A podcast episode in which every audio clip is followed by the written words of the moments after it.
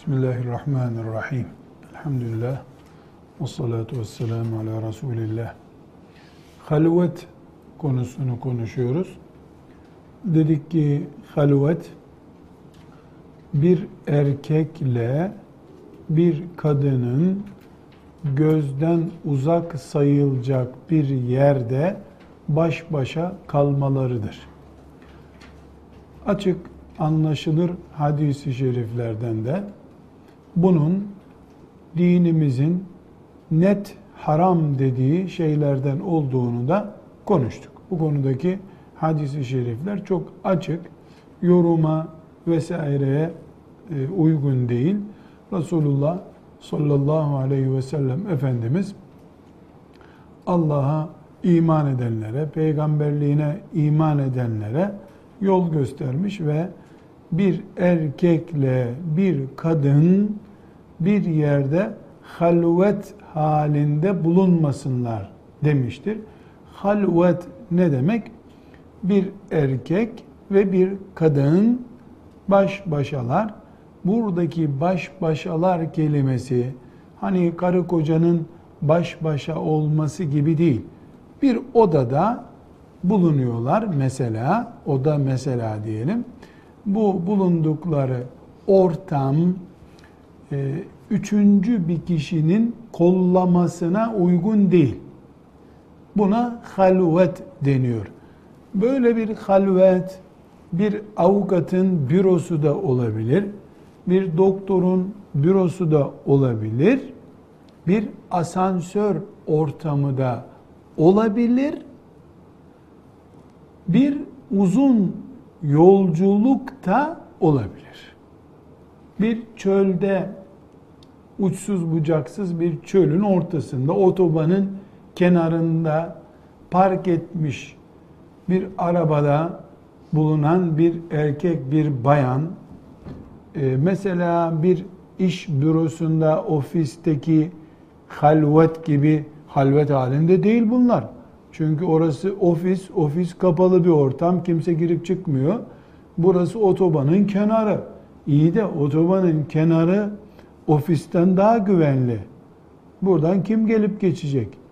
E, çölün ortasında veya da dağ başında bir yol. Günde üç araç geçiyor veya geçmiyor buradan. Halvet için bu da uygun ortam olabilir. Biz bunu şu şekilde özetlememizde fayda var. Bir bayanın veya erkeğin niyetlerinde sıkıntı var diyeceğimiz zaman bu niyetteki sıkıntıyı e, nasıl açıklamamız gerekiyor?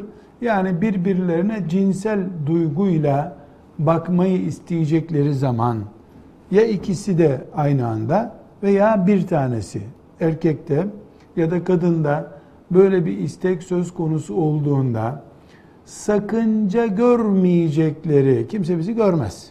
Kızı babası görmez. Erkeği abisi görmez. Burada rahatız.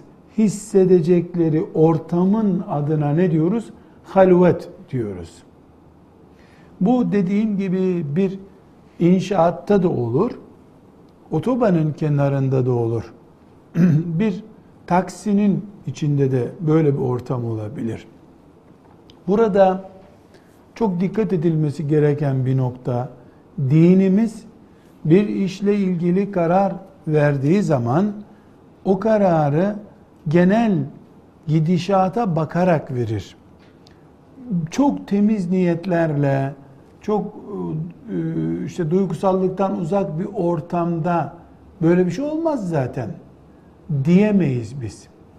Bir erkekle bir kadın uygun ortamda bir arada bulunduklarında hadisi şerif ne buyurmuştu? Üçüncüleri şeytandır demişti. Üçüncüleri şeytandır ne demek? Ne kadar temiz, duygulu, e, dindar, takva olsanız da şeytan bu pozisyonu kullanır. Evet şu anda mesela halvetten halvet sayılacak ortamda bayana e, senin niyetin kötü mü? Cinsellik açısından bir sıkıntı var mı diye sorulsa ya da erkeğe sen bu kadına kötü niyetle bakıyorsun, cinsellik duygusuyla bakıyorsun dense herhalde çıkarıp silahını vurur sen beni namusumla itham ediyorsun diye. İlk duygusallık böyle olabilir. Şeytan için önemli değil.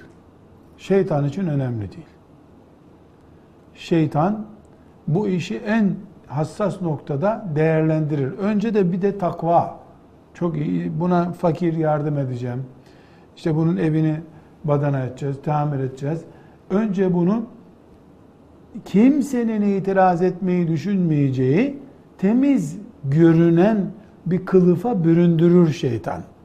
Ondan sonra bu halveti 3 saat sonra mı 5 saat sonra mı e, fitneye çevirir? O onun planı artık. E, şeriatımız ateş tutuştuktan sonra orman, orman yanmaya başladıktan sonra tedbir alan bir şeriat değildir. Yanmadan önce kibrit çocuğun eline geçmeden önce orman yangını ile ilgili tedbir alır.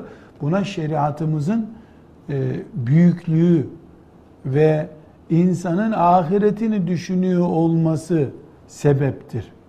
Ama dünya kanunları veya biz insanlar olarak bir kadınla bir erkeğin halvet dediğimiz bir ortamda bir arada bulunmalarını çıplak gözle baktığımızda e, bir şey yok.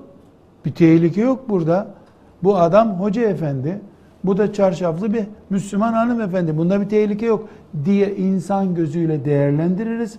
Hatta mesela bu dersimizi yaparken biz hani ne dedik? Ee, insanın kayınları, kadının kayını yani kocasının erkek kardeşleri daha da tehlikeli dedik ki insanlar bunu ne yapıyorlar? Aa, aa böyle kötü şey düşünülür mü ya? Abisinin hanımı. Tövbe tövbe. Annesi onun o. Anne hükmünde. Bunlar hep edebiyat. İnsan gözüyle böyle bakılıyor ama insanı yaratan Allah aslını biliyor insanın. Tehlikeye düşmeyecek kimse yoktur. Evet şu anda e, ilk seansta e, erkeğin de kadının da tehlike açısından yüzde yüz güveni olabilir. Yani bir delikanlıya ağabeyinin hanımı hakkında cinsellik duyguları taşır mısın diye sorulsa bunu intihar edeceği kadar ağır bir sebep kabul edebilir. Tövbe tövbe. Ne demek? Abimin hanımı benim annem sayılır. İşte yengem sayılır. Bunların Allah katında değeri var mı? Hayır yok. Niye? Peygamberi ne diyor? Aleyhissalatu vesselam El hemu el mevt. Hemu yani yakın akraba e, onlar ölüm. Ölümdür. Ölüm kadar tehlikelidir. Dolayısıyla bu meseleyi düşünürken biz kendi zihnimize, kafa yapımıza göre e böyle bir tehlike olmaz herhalde diye düşünürsek batıl bir iş yapmış oluruz. Hayır, şeriatımız yaratan Allah'ın şeriatıdır. Dolayısıyla bizim içimize ne koyduğunu biz ipimiz salınsa nereye kadar gideriz bunu Allah biliyor. Çok iyi biliyor. Çok iyi bildiği için de bize şeriatında böyle uyun diye getirmiştir. Şimdi burada hanımefendiler iki şeye dikkat etmemiz lazım. Biz dini öğreniyoruz, kadın fıkı öğreniyoruz. Birincisi e, bu halvet bazından yola çıktığımızda halvetin boyutunu, tehlikesini bu şekilde konuşuyoruz. Bunu bu şekilde anlarız. Asla gevşetmeyiz. Fakat ifrata kayıp mesela halvet pozisyonunda bulunmuş birisinin haram işlediğini söyleriz ama zina ettiği gibi ağır bir iftirayı konuşmayız. Bu bir uçtur. Yani halveti önemsemeyip kadın erkek istedikleri gibi bir arada dursunlar demek ne kadar tehlikeli ise bir kadın bir avukatla bir meseleyi görüşmek için bürosuna girdi diye zina etti de demeyiz. Evet o olay zinanın altyapısını oluşturması açısından dinimiz tarafından bize yasaklanmıştır. Haramdır. Bu haramlıkta hiçbir şüphemiz yoktur. Ama zina başka bir olay. zinanın ispat edilmesi başka bir şey. Evet bu zinaya götüren bir sebep midir? Sebeptir. Bu dinimiz açısından risk taşıyor mu? Taşıyor. Zina etti mi? O ayrı bir konu. O ayrı bir konu. Tıpkı bunu neye benzeteceğiz? Yani orman yangını için bir kibrit yeterli mi? Yeterli. Bir çocuk ormanda dolaşırken cebinde kibrit var. Gördük. Bu orman yaktı suçu yapıyor muyuz buna? Hayır. Orman yanmıyor çünkü. Orman yandığında kibritten dolayı yanacak. E peki e nasıl olsa bu kibrit bir ormanı yakıyor. O zaman bu çocuğu hemen alıp cezalandıralım der miyiz? Demeyiz. Orman yanmadı çünkü. E orman yandıktan sonra ne kıymeti var bunun? Evet bir kıymeti yok ama orman yanmadan da ormana yangın yanmış gibi ceza getirmek o da yok. O zaman ortasını nasıl buluyoruz? Diyoruz ki kibritle ormana girmesin çocuk.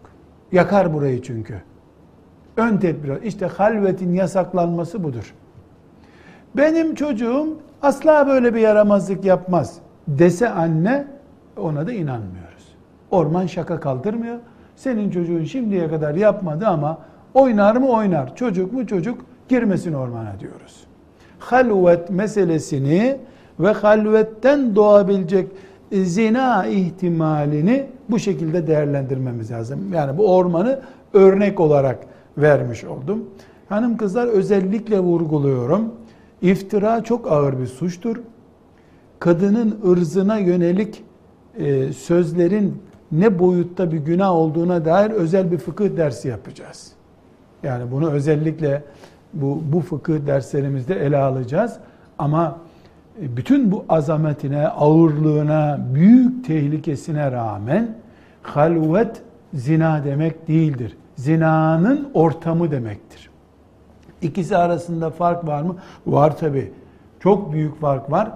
Haram olmak bakımından halvetin haramlığını hiçbir şekilde gevşek görmüyoruz, göremeyiz. İmanımız buna müsait değil. Asansöre bile ne dedik? Yani halvet olma ihtimali olan bir asansöre binmeyiz. Peki e, asansör 3 katı yarım dakikada çıkıyor. Yarım dakika bile sürmüyor. Tık karşı tarafta oluyor asansör. E bu asansörün bu kadar e, seri bir şekilde olması ne zina olmasına mümkün hale getirir ne e, orada kadın e, gevşek bir hareket yapmasa erkek ona sarkıntılık bile yapamaz. E, dolayısıyla iki kat merdiveni çıkmak için asansörde bu risk yok görünürde. Evet yok, hakikaten yok.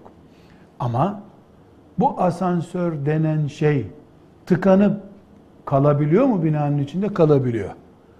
Yılda bir mi oluyor? Yok. 50 defa asansöre binen birinde muhakkak asansörün tıkandığını, elektriğinin kesildiğini, arıza yaptığını, bir katta boşandığını görüyor. E, bu 5 dakika 10 dakika yardım gelinceye kadar asansörde beklemek demek ki beklemek demek. Evet. Bu bir büroda beklemek gibi oldu mu? Oldu. Veyahut asansörde e, hızlı bir hareketler mi oldu? Kadın şok geçirdi. Eyvah dedi. Yığıldı kaldı orada. E burada kim yardım edecek kadına? O asansördeki erkek yardım edecek. Bu riskleri şeriatımız göze alıyor. Şimdi biz bunu kalkıp da ya boş ver bir asansörde ne olur canım dendiği zaman laubalilik görürüz. Dinimize karşı bir laubalilik bu. E, aynı şekilde e, asansöre hiç binmesin kadın. E, hasta kadın yedi kat apartmanı yürüyerek çıksın. Erkekler biniyor ikinci katta demeyi de caiz görmüyoruz. Yani bu ulu orta konuşmaktır. Vakayı yani hayatın içinde olan şeyleri görmeden konuşmaktır. O zaman ne diyoruz? Hanımefendi asansöre binerken dikkat et diyoruz. Yani bir apartmanda bu işlere dikkat edilecek kadar herkes birbirini tanıyorsa, bayan var asansörde diye binmiyorsa sorun yok, rahat bin. Ama bir apartmanda her katta duruyor asansör, otomatik değil, basılıyor, her hatta çocuğu biniyor, büyüğü çıkıyor, otoban gibi bir şey olmuş o. Orada bayana diyoruz ki iki katı Bari inerken hiç olmasın asansöre binme diyoruz. Ne yaptık burada şimdi? Kişinin imanına bıraktık bu işi. Yani imanın, takvan ve zaruretin ortasını bul dedik. E bu temizlik, herkesin kalbi temiz bu apartmanda dersen ona karşı çıkarız. Öyle herkesin kalbi temiz yok. Herkesin kalbi temiz. E, zaten e, bugün maazallah 50 kişiyle zina etmiş bir delikanlı düşünün. Böyle bir varsayım yapalım. O da 10 yaşındayken tertemiz bir çocuktu. Melek gibiydi. E bu çocuk tertemiz diye zaten salındı. Salınınca şu kadar zina ile şu kadar haramla karşı karşıya çıktı. Şeytan kendisi gibi kötü insanlarla uğraşmıyor. Onlar zaten profesyonel, otomatik o işin uzmanı olmuşlar. Şeytan temiz insanlarla uğraşır. Ona temiz aboneler lazım. Çünkü şeytan ne kadar saf mümini kirletirse, saflığını bozarsa o kadar başarılı sayıyor kendini. Bunu halvet konusuna yeni bir e, gözle bakabilmek için değerlendirmiş olduk. Halvetle ilgili birkaç meseleyi ele alıp örneklendirelim ya da fıkıh açısından furuat diyeceğimiz yani ayrıntılarına girelim. E, burada hem modern zamanda karşımıza çıkan konuları konuşuyoruz dikkat ederseniz hem de fukahamızın ta kökten beri ashab-ı kiramdan itibaren ele aldıkları, konuştukları meseleyi konuşuyoruz. Burada çok e, önemli bir konu. E, zaten daha sonraki derslerde göreceğiz. Kadının tek başına yolculuk yapması zaten caiz değil. Ama e, şehir içinde otobanda taksiye binebilir mi kadın? Hadi e, yoğun trafiklerin trafiğin bulunduğu şehir içinde bir sıkıntı yok. Ama 90 e, kilometreye kadar da seferilik mesafesi sayılmıyor. Fakat e, Anadolu'da e, işte Sivas'ın şehir yapısını düşünün. Yani Sivas dediğiniz yer ya da Sivas nispeten büyük bir yer. Bir ucundan öbür ucuna 5 dakikada gidiliyor taksiyle. Mesela Sivas'taki üniversite ortamını ben söyleyeyim. Ee, veyahut da mesela Burdur'daki üniversite Burdur vilayetinde. Şehir küçücük. Bir taksiye bindiğinizde en trafik kapalı değilse, ışıklarda beklemiyorsan 5 dakikada bir ucundan öbür ucuna gidiyorsun. Anadolu yani İstanbul, Ankara ve İzmir'in dışında böyle olmayan şehir yoktur. Şehir dediğin yer yukarıdan büyük bir e, orman gibi görülüyor. Orman ama bir ucundan öbür ucu görünüyor. Mesela şehrin e, bir tepesine çıktığınızda e, en son mesela Erzincan'a gittim. Erzincan'da tepe bir yere çıkalım, şehri gösterelim size dediler. Şehri bir ucundan öbür ucuna kadar o tepeden seyrediyorsun. Mesela gece bir araba bir ucundan gelse, binalar onu kapatmıyorsa şehirden çıkana kadar farlarını takip edebiliyorsun. Bu şehrin küçüklüğünden kaynaklanıyor. Ama İstanbul gibi bir şehirde yani kedi yavrusunu kaybetse bir daha bulamaz. Bir ucundan öbür ucu, İstanbul'un bir ucundan öbür ucu zannediyorum 120 kilometre. Yani Kartal'dan veya Tuzla'dan e, biniyorsun, e, Silivri'den çıkıncaya kadar evleri bitmiyor. Şimdi burası bir şehir ortamı. Ama Anadolu'da şehir, işte bahsettiğim, sözünü ettiğim, mesela Erzincan'da, Burdur'da, Sivas'ta, bütün yani İzmir, Ankara, İstanbul'un dışındaki her yerde Şehir denen yer böyle hızlı bir atlet 5 dakikada bir ucundan öbür ucuna koşacak kadar bir yer. İlçeleri var bunların. Mesela 5 kilometre ötesinde bir ilçe var. 10 kilometre ötesinde, işte Erzincan'ın 10 kilometre ötesinde Üzümlü diye bir ilçesi var. Bu hiçbir zaman seferilik mesafesi değil. Yani bir tür şehir o. Ama e, Erzincan'dan çıkıp Üzümlü ilçesine gittiğinizde veyahut da Burdur şehrinden çıkıp üniversiteye gittiği zaman bir talebe arada 3-5 kilometrede olsa incin geçmez bir boşluktan geçiyor. Yani orada hiçbir şekilde insan yok ortada. Neden? E zaten işlek yollar değil, İsparta'ya giden bir otobüs geçecek oradan geçerse. Üniversite şehir dışına kurulmuş. Veyahut da bazı şehirlerde araştırma hastanesi vesaire e, şehrin dışında kurulmuş. Şehirle arasında iki kilometre var. Böyle görülebiliyor ama ıssız bir ortam. Buralarda taksi tutup bir bayan e, o hastaneye, o e, üniversiteye veyahut da işte Erzincan'ın Üzümlü ilçesine gidebilir mi? Giderse çünkü belli bir ıssız bölgeden geçecek gündüz veya gece fark etmez şoförle baş başa kalmış hükmünde. Yani o yol belli saatlerde belki yoğunluğu var ama mesela e, sabah 6'dan 8'e kadar o yoldan kimse kullanmıyor, kimse geçmiyor. 8'de servis arabaları başlıyor. Bütün bunlarda bayan işte telefon edip bu yolun acil bilgisini verin buradan tek başıma gidebilir miyim demesi akıllı bir şey değil. İmanı devreye girecek bayanın bir zaruret yokken seferlik mesafesi olsa da olmasa da bu yolu sarı taksiye yani ücretli taksiye binip bir şoförle tek kalacağı bir ortamda kullanabilir mi? Burada kullanabilir kullanamazın kararını bir müftünün vermesi gerekmiyor. Halvet oluşup oluşmadığını kendisi takdir edecek kadının. O yol şartlarına dikkat edecek. İşte bir tanıdık şofördür, manıdık şofördür diye bir şey de yok ortada. Çünkü halvet açısından tanıdık olmak, olmamak diye bir sıkıntı yok. Hatta tanıdık için daha ağır şartlar getirildiğini de hadisi şeriften görüyoruz. Bu meselede vurguladığım şeyi bu derste özellikle e, dikkat etmenizi rica ediyorum. Yani burada halvetin yüzde yüz ölçüsünü koyamıyoruz. İmanın yüzde yüz ölçüsü var. Allah sana bunu haram demiş. E burada kadın ilke olarak yanında mahremi olmadan kimseyle beraber bulunmasın deyip geçiştiremiyoruz da. Neden? Çünkü kadın esir değil, hapishanede mahkum değil. Yani acil gitmesi gerekiyor olabilir. Bu aciliyetin boyutu nedir?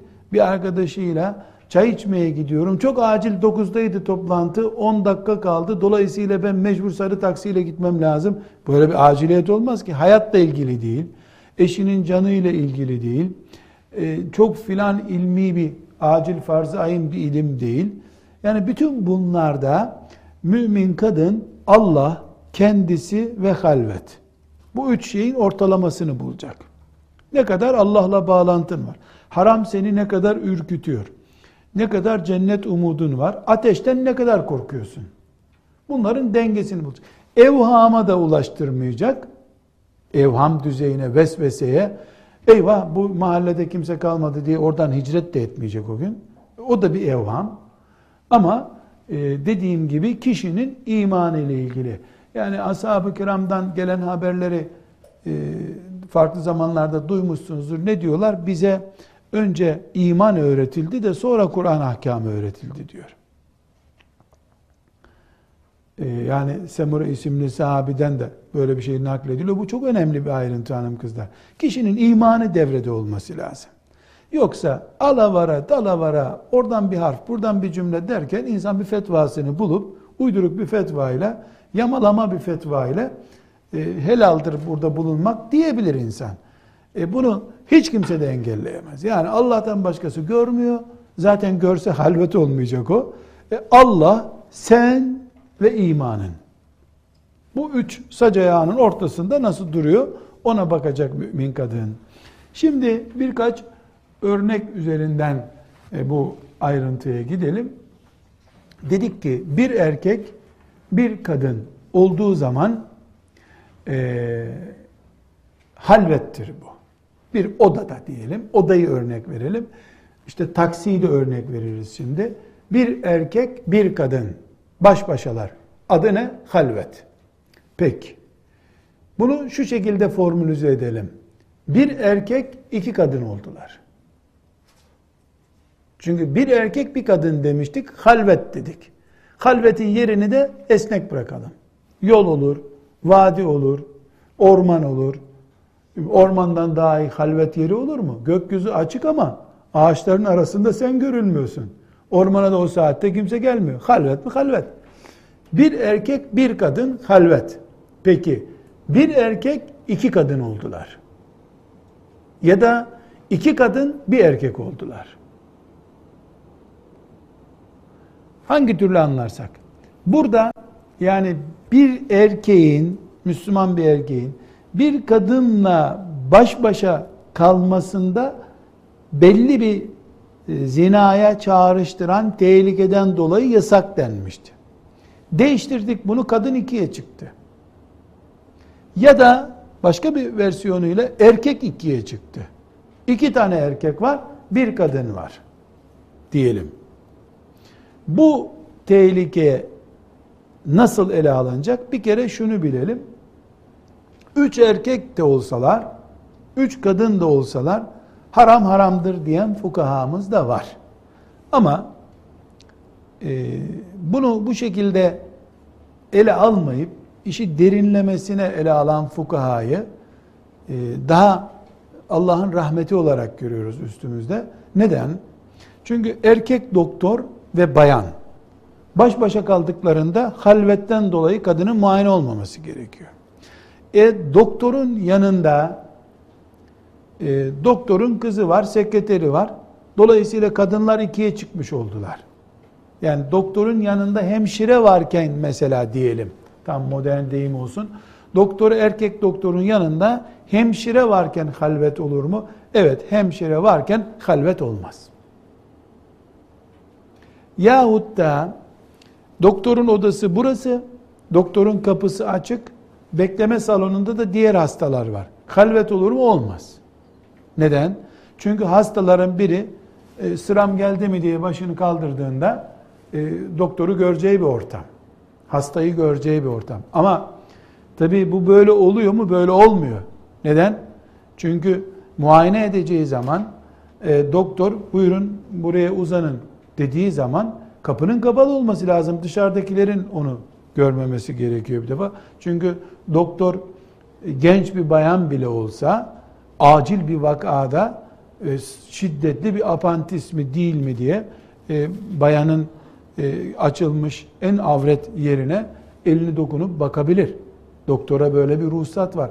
Tedavinin kadınla ilgili sorunlarında ders yapacağız bunu. O zaman inşallah 3-4 ders bu açıdan yapacağız. Önemli bir fıkıh bilgisi olarak onlar karşımıza gelecek. Ama şimdi halvet açısından ele alıyoruz meseleyi. Yani çok da e, doktor muayene ederken e, lütfen e, kapıyı kapatın diyemez hasta. Niye? E, doktorla baş başa kalmaktan korkuyor. Lütfen kapıyı açın da diyemez. Niye? E dışarıda oturanlar var. E siz çıkın dışarı ben muayene olacağım. Dışarıda bekleyin de kimseye denmiyor.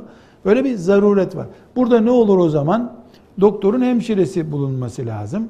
Hemşire de içeri gelmiyorsa o zaman hasta ne yapacak? Abisiyle gidecek. Veya babasıyla ya da eşiyle gidecek. E, gerçi e, bir miktar doktorlar eşini de siz de dışarı çıkarın diyor.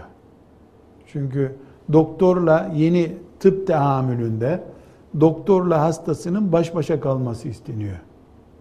Bu yani hasta daha iyi kendini anlatsın veya doktor etkilenmesin gibi bir sürü nedenler var ama elhamdülillah biz bu kadar da hassasiyetlerimizi kaybetmedik.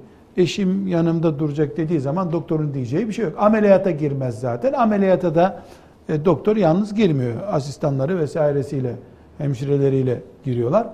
Burada e, yakalamak istediğimiz düzey e, erkek bir, kadın iki kişi olursa sıkıntı oluyor mu? Ee, erkek iki kişi olsalar, kadın bir kişi olsa sıkıntı oluyor mu? Bunun cevabı şu. Eğer bir fitne alenen gözlenemiyorsa bu caizdir. Fitne alenen gözlenemiyorsa örnek vereceğim. İki, bu bir yolculukta olursa asla caiz değil. Yolculukta mümkün değil bu. Niye yolculukta mümkün değil? Çünkü 90 kilometrenin ötesine gitmek zaten ikinci bir yasak çeşidi kadın için.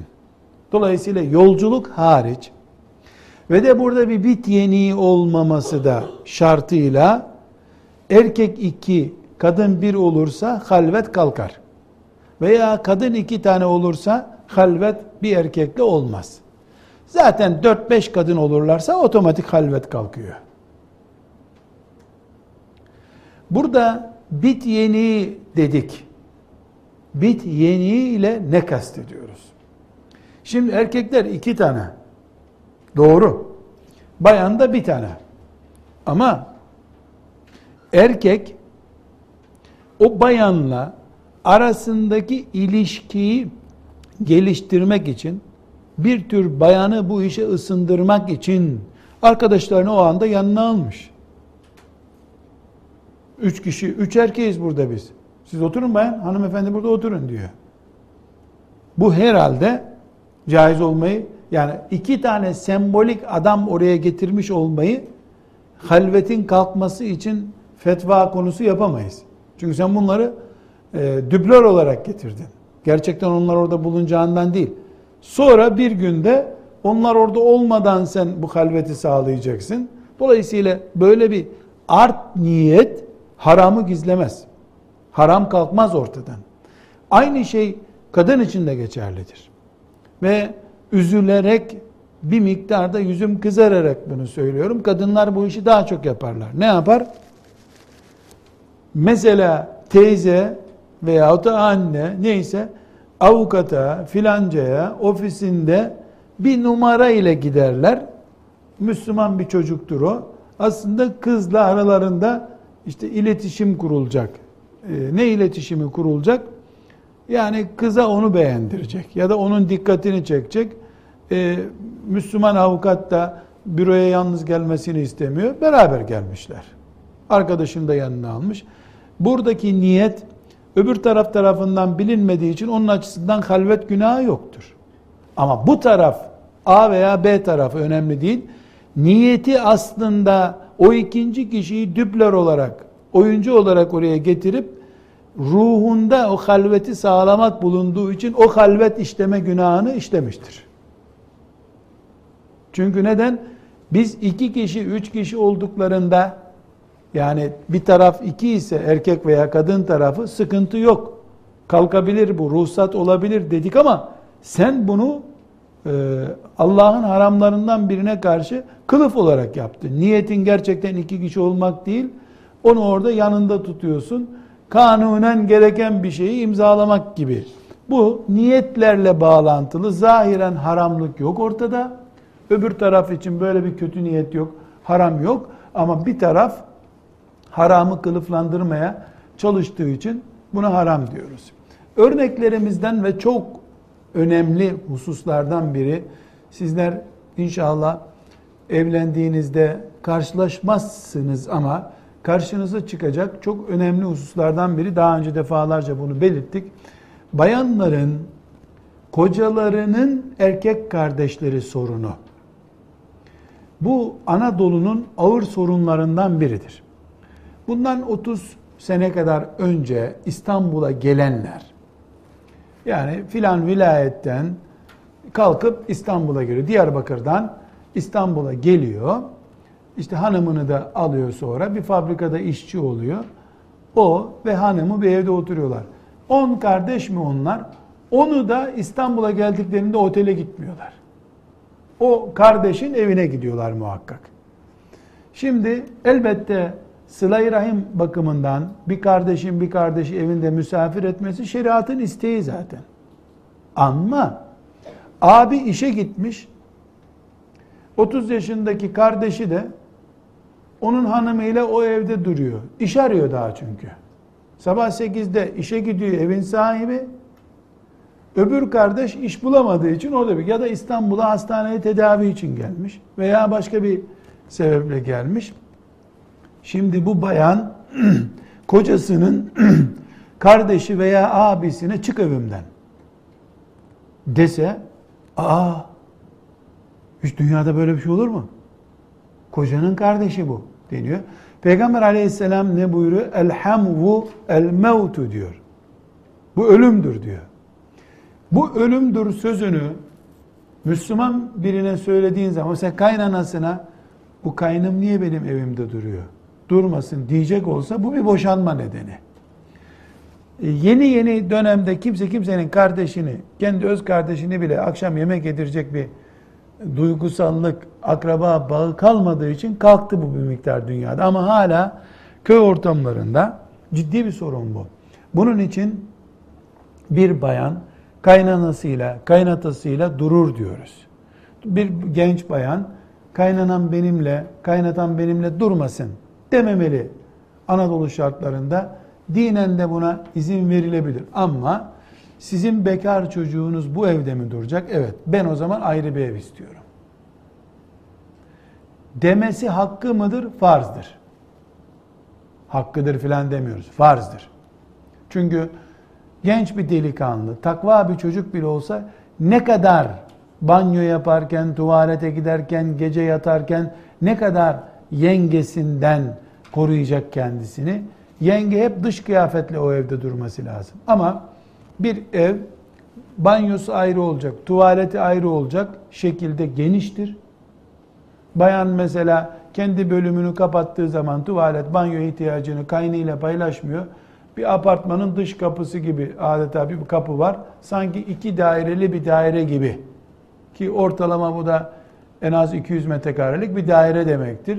Yapı tuğla örümüne varıncaya kadar da bu şekildedir. Sadece e, kayınla bir işte yemek için çağırdığın zaman aynı evde gibi gelecek bir ortam bulunursa belki caiz olabilir. Bunun dışında e, fakru zaruret buna engel değildir. Neden? Çünkü e, İslam bir erkeğe hanımına ev açabilecek sen evlen diyor zaten. Ev açamayacaksan o zaman sadaka topla. Evet namusun için evlenmen gerekiyor ama e, sen henüz para toplayamadın. Ev açıcı. Ev satın almak da değil, kiralamak da e, bu yolda e, bir ruhsat meselesidir. Kadının ev hakkı diye bir başlık açacağız ders olarak. O zaman bunu tekrar görüşeceğiz. Ama bir e, ağabeyiniz olarak size tavsiyem evinde e, evleneceğiniz erkeğin e, ziyaret için gelecek tabi ayrı bir konu. O zaman da siz cilbabınızı, feracenizi giyip hoş geldin kardeşim diyeceksiniz. O misafir odasında oturacak öbür oda. Bunda bir sıkıntı yok. Ama askere gidene kadar sizinle kalacak. Kaç sene sonra askere gidecek? İki senesi var.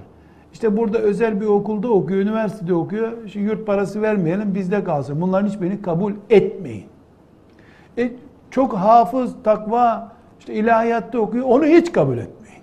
Onu hiç kabul etmeyin. Çünkü şeytan onun hafızlığını, takvalığını, ilahiyatta okumasını bir üst gömlekten size kullanacak. Nasıl Efendimiz sallallahu aleyhi ve sellem elhamhu el mevtu diyor. Akraba olduğu için daha tehlikeli o diyor. Aynı şey hafız olduğu için daha tehlikelidir. O gerçekten fıkıh bilse, gerçekten hafızlığın kıymetini bilse yengemle bir evde durmam diyecek zaten. Dururum dediğine göre onun adı var hafızlığının başka bir şeysi yok. Bu hususlarda e, fitne mi çıkaracağız? Hayır. Evlenmeden bunu konuşacaksınız. Nikah akdinize bunu yazdırın. Ben kocam, kayınpederim, kaynanamdan başka kimsenin yanında durmam. Bu evde durmam. E peki kayınpederimiz yaşlı, hizmet etmemiz gerekiyor. Nerede insanlığın senin? Elbette insanlığım üstünde. Yan binada ev tutarsınız, hizmetleri olacağı zaman gider hizmetini yaparım dersin. Böylece öbür tarafın bir itiraz hakkı da olmaz. Tekrar vurguluyorum. Aleyhissalatu vesselam Efendimizin elhamvu el mevtu sözünü unutmuyoruz. Risk açısından bu halvet için en önemli konulardan bir tanesidir. bir başka konumuz daha var hanımefendiler.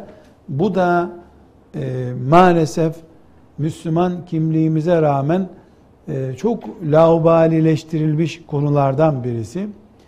Bizim şeriatımızda bir erkekle bir kadın bir nikah akdi ile birbirine helal olurlar. Nikah akdi yoksa yüzde yüz birbirlerinin yabancısıdırlar. İki, anne ve babalıktan kaynaklanan kan bağları vardır. Bu da helalleştirir. Kardeşlerin birbiriyle durumu olduğu gibi. Üç, süt anneliğinden kaynaklanan bir yakınlık olur. Bunların hepsini ayrı ayrı başlıklar altında göreceğiz. Bunun dışında bunun dışında nişan, sözleşme gibi şeyler aradaki yabancılığı yüzde bir oranında bile kaldırmaz. Yüzde yüz yabancı ya bu erkekle bu kadın. Mesela nişan bunu yüzde on hafifletmiyor. yüzde bir bile hafifletmiyor. Nişanın aradaki haramlığı kaldırmak açısından değeri yüzde sıfırdır. Nişan konusunu e, fıkıh olarak ele alacağız ama bu halvet konusu için söylüyorum. Nişanlanınca bir kadın, bir erkek, mesela bir erkek bir e, kızı nişanladığı zaman o onun hiçbir şeysidir. Hiç. Kızın babası hiçbir şeysidir. Hacı amca. Kızın annesi hiçbir şeysidir. Hacı teyze. O kadar. Müslüman bir kadın. Müslüman bir baba. Onunla bir ilgisi asla yoktur. Dolayısıyla nişanlının babasının annesinin elini öpebilir mi? Erkek babanın elini öpebilir. Çünkü sokakta bir Müslümanın elini de öpebilirsin. Kaynana adayının eli öpülmez. Kız açısından da kaynata adayının eli öpülmez. Ne zamana kadar? Şeriatın nikah dediği şey gerçekleşinceye kadar. Nikah nedir? Şu şu şartlarla ben seni e, karım olarak görmek istiyorum. Kabul ediyor musun? Evet ben şu şu şartlarla bu şahitlerin huzurunda seni kocam olarak kabul ediyorum. Şahit misiniz? Şahidiz. Baba onay verdin mi? Verdim. Cumhur'a göre konuşalım. Baba da onay verdi. Haydi Allah mübarek etsin. Bismillahirrahmanirrahim. Hayırlı olsun. Nikah. Bu dakikadan itibaren yüzde yüz o onun kadrısı. Yüzde yüz o onun kocası. O dakikadan önce mesela bir saat sonra nikah kıyacağız. Teberruken de bir hoca efendi nikahımızı kıysın dedik. Gittik. Şimdi hoca efendi saat 9'da gelin dedi. 9'a 5 var. Gittik. E 5 dakika sonra nikah kıyacağız. Yan yana oturalım mı? Nereye oturuyorsunuz ya? Ne demek yan yana oturuyorsunuz? E nikaha geldik. Nikah kıymadınız. Nikaha geldiniz. Hastaneye doktor serum takması için çağırdı seni. Hastanede sıra bekliyorsun. Nasıl olsa serum takılacak. İyileşiyor musun? Daha takılmadan serum takılmış olmuyor. Nikahta yapacağız diye bir şey yok. Kabul ediyor musun? Ediyorum. Sen ettin mi? Ettim. Ha tamam nikah şimdi oldu. Baba da onay verdi mi? Verdi. Şahitler de duydu mu? Duydu. Bunun dışında tabi bu şahitler filan ayrıntıları başka bir mesele. Ee, baba onayı başka bir mesele. Bunun dışında Müslüman bir kadın, kız nişanlı diye bir saat sonra nikah kıyılacak diye yabancılığından taviz veremez. Dolayısıyla bütün bunları anlattıktan nereye getirmek istedik? Halvet açısından nişan sıfır değerdir. Sıfır değerdir. Hiçbir kıymeti yoktur. Bu kural şeriatımızın nişanı hiç önemsemediği anlamına gelmiyor. Nişan var. Ama bir hazırlık süreci olarak kabul ediliyor. Nikah değeri gibi değeri yoktur nişanın. Vurgulanmak istenen husus budur. Yani yoksa örfen bir söz, bir nişan yapılıyor. Bunlar dinen sakıncalı mı? Yok. Bunlar güzel şeyler.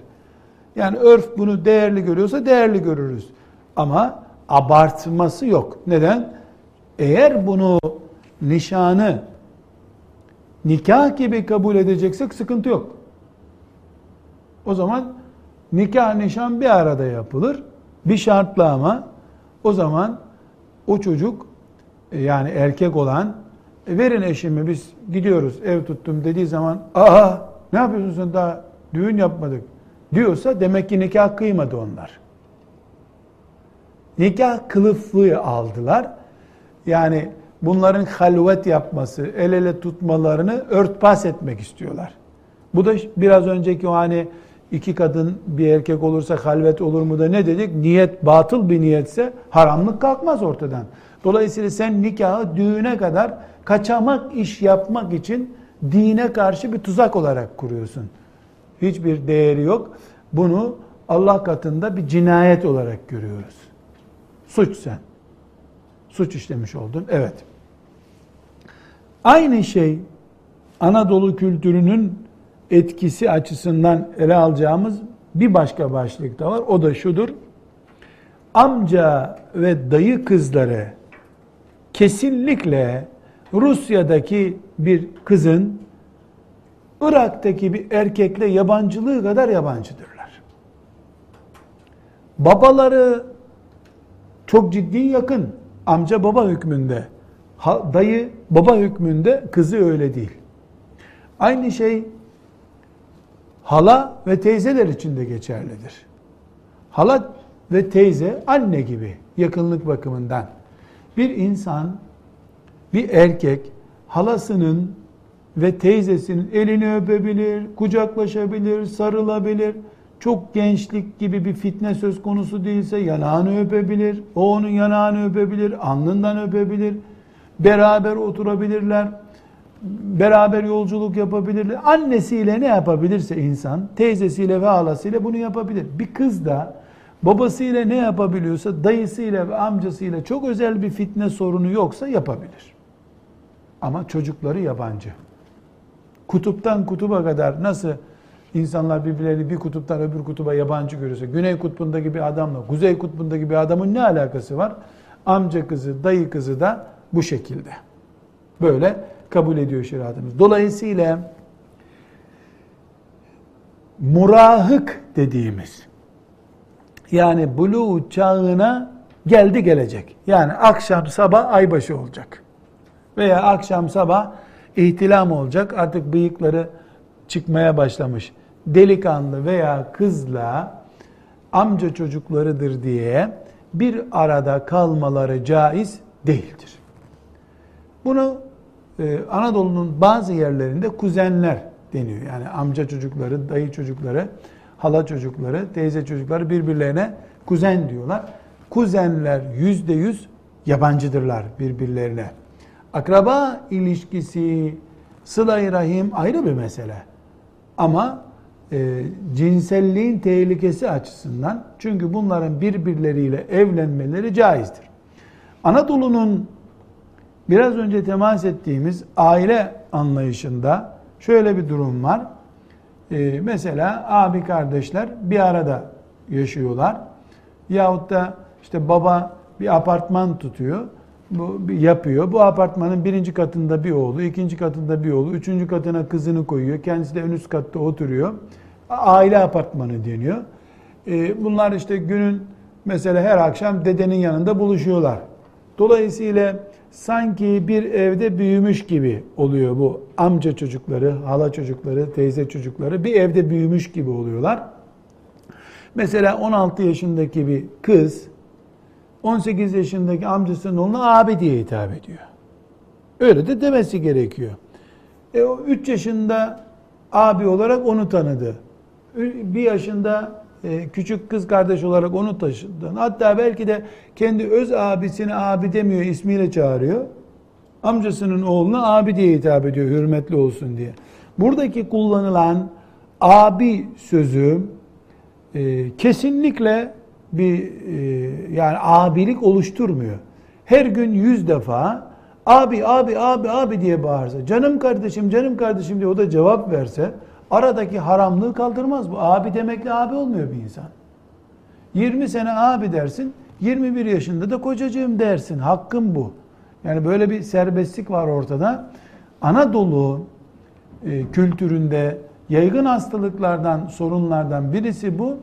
Bir de maalesef e, büyük şehir kültüründe de e, bilhassa Avrupa e, kültürüyle yani Avrupa'dan göçmen olarak e, gelen Müslümanlar arasında ciddi bir şekilde böyle bir gevşeklik var. O kadar ki bu Avrupa'dan Türkiye'ye benim deyimimle hicret, onların deyimiyle göç eden. E, göçse bir değeri yok ama hicret ettilerse değerlidir. Ben hicret ettiklerini düşünüyorum. İnşallah öyledir. Hicret eden Müslümanlar arasında e, bir erkeğin evlenmesi haram olanlar sayılırken amca ve dayı çocukları da sayılıyor. Sanki amca çocuğuyla evlenmek haramdır gibi bir itikat var. Hatta bizzat kendim de onlarla müşahedelerimde e, yani e, amca çocuğu bu ya, kardeş demek diye böyle bir çıkışları var. İşte Resulullah sallallahu aleyhi ve sellem Fatıma'yı amcasının oğluna nasıl verdi dediğini o başka, o başka. Böyle bir o başka diye bir şey tutturmuş insanlar. O başka, o başka. Zaten şehitliğe geldi mi o başka. İnfaka geldi mi o başka. Ali ile Fatıma nasıl evlendiler o başka. Sıkıştın mı o başka dedin mi zaten iş halloluyor.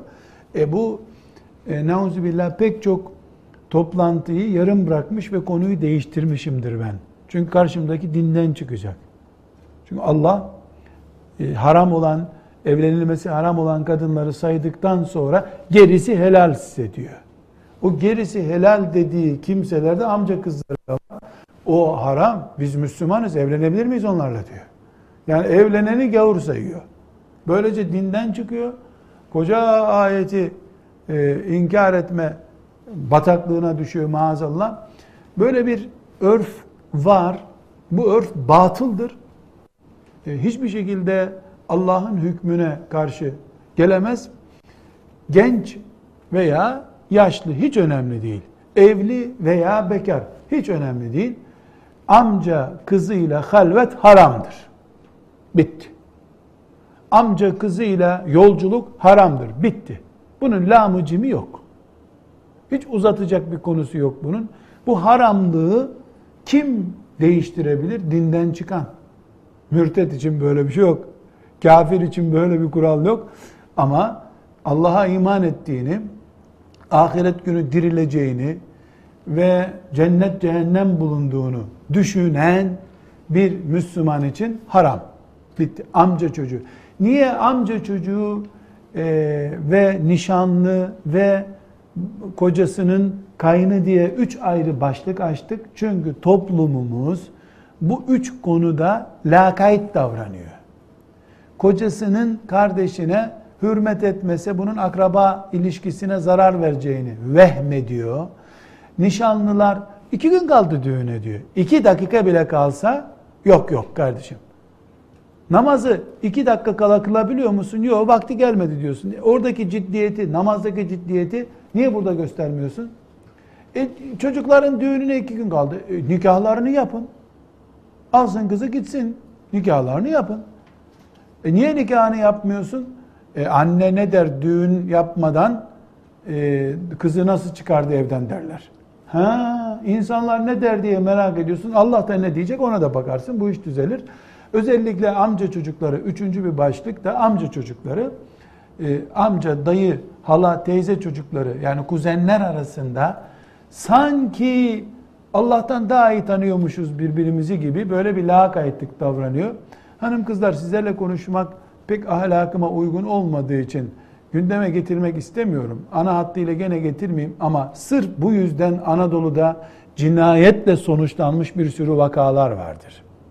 Daha ahlaklıca söyle, ahlaklıca olanı söyleyeyim. Belki şu kadar evlilik de aslında o amca çocuğuyla evlenmeyeceği halde evlenmekten başka çareleri kalmadığı için evlilikle sonuçlanmıştır. Adına evlilik denmiştir sonra. Bunu herkes adı soyadı gibi bilir. Köyündeki vakaları herkes bilir ama şeytan bir kere bir işi cazip gösterdi mi sen onu bir daha önleyemiyorsun tabi. Amca çocuğu çok yakın, hiç de yakın değil. Sırf bu yüzden abiler, kardeşler aynı apartmanda oturmasınlar bile diyesim geliyor. Aslında bir baba üst katta, ablalar alt katta, e, abiler de tek tek evlenip onların yani 10 katlı bir apartmanda 10 kardeş otursa ne kadar güzel bir şey. Ama bu mahremiyet sağlanamayacaksa, çocuklar aynı merdiveni kullanırken, aynı serviste okula giderken laçkalaşacaklarsa öbür mahalleye taşınalım. Çünkü bizim namusumuz, iffetimiz ve Allah'ın şeriatına bağlılığımız akrabalık değil, bütün dünyadaki varlığımızdan daha değerli olması gerekiyor. Bu üç başlığı vurguluyorum halvet konusunda. Elbette e, bir Müslüman kadın tesettürüyle gidip e, bir inşaat mühendisinin ofisinde iki saat oturmaz zaten. Bunu kolay kolay e, yapar kim yapar? Allah korkusu olmayan yapar. O bizim zaten halvetle ilgili fıkıh kaidelerimizi dinlemeyecektir. Ama Müslüman kaynıyla böyle bir sorun yaşayabilir. E, nişanlı diye böyle bir sorun yaşanabilir. Amca, hala, dayı, kızı diye bir risk yaşanabilir. Bunların hepsine hazırlıklı olmamız lazım. Aksi takdirde şeytan bekliyor. Sen önemli değil diyorsun ama şeytan bekliyor. Ne buyurmuştu aleyhisselam efendimiz? Üçüncüleri şeytandır. Üçüncüleri şeytandır. Halvette neden yasak? A, B, C şeytan olmasın diye yasaktır. Evet, burada e, tıbbi tedavi için ve ilim tahsili için halvete ne denebilir? Bunu ayrıyeten konuşacağız bir dahaki dersimizde inşallah. O sallallahu aleyhi ve selleme ala seyyidina Muhammed ve ala alihi ve sahbihi ecma'in velhamdülillahi rabbil alemin.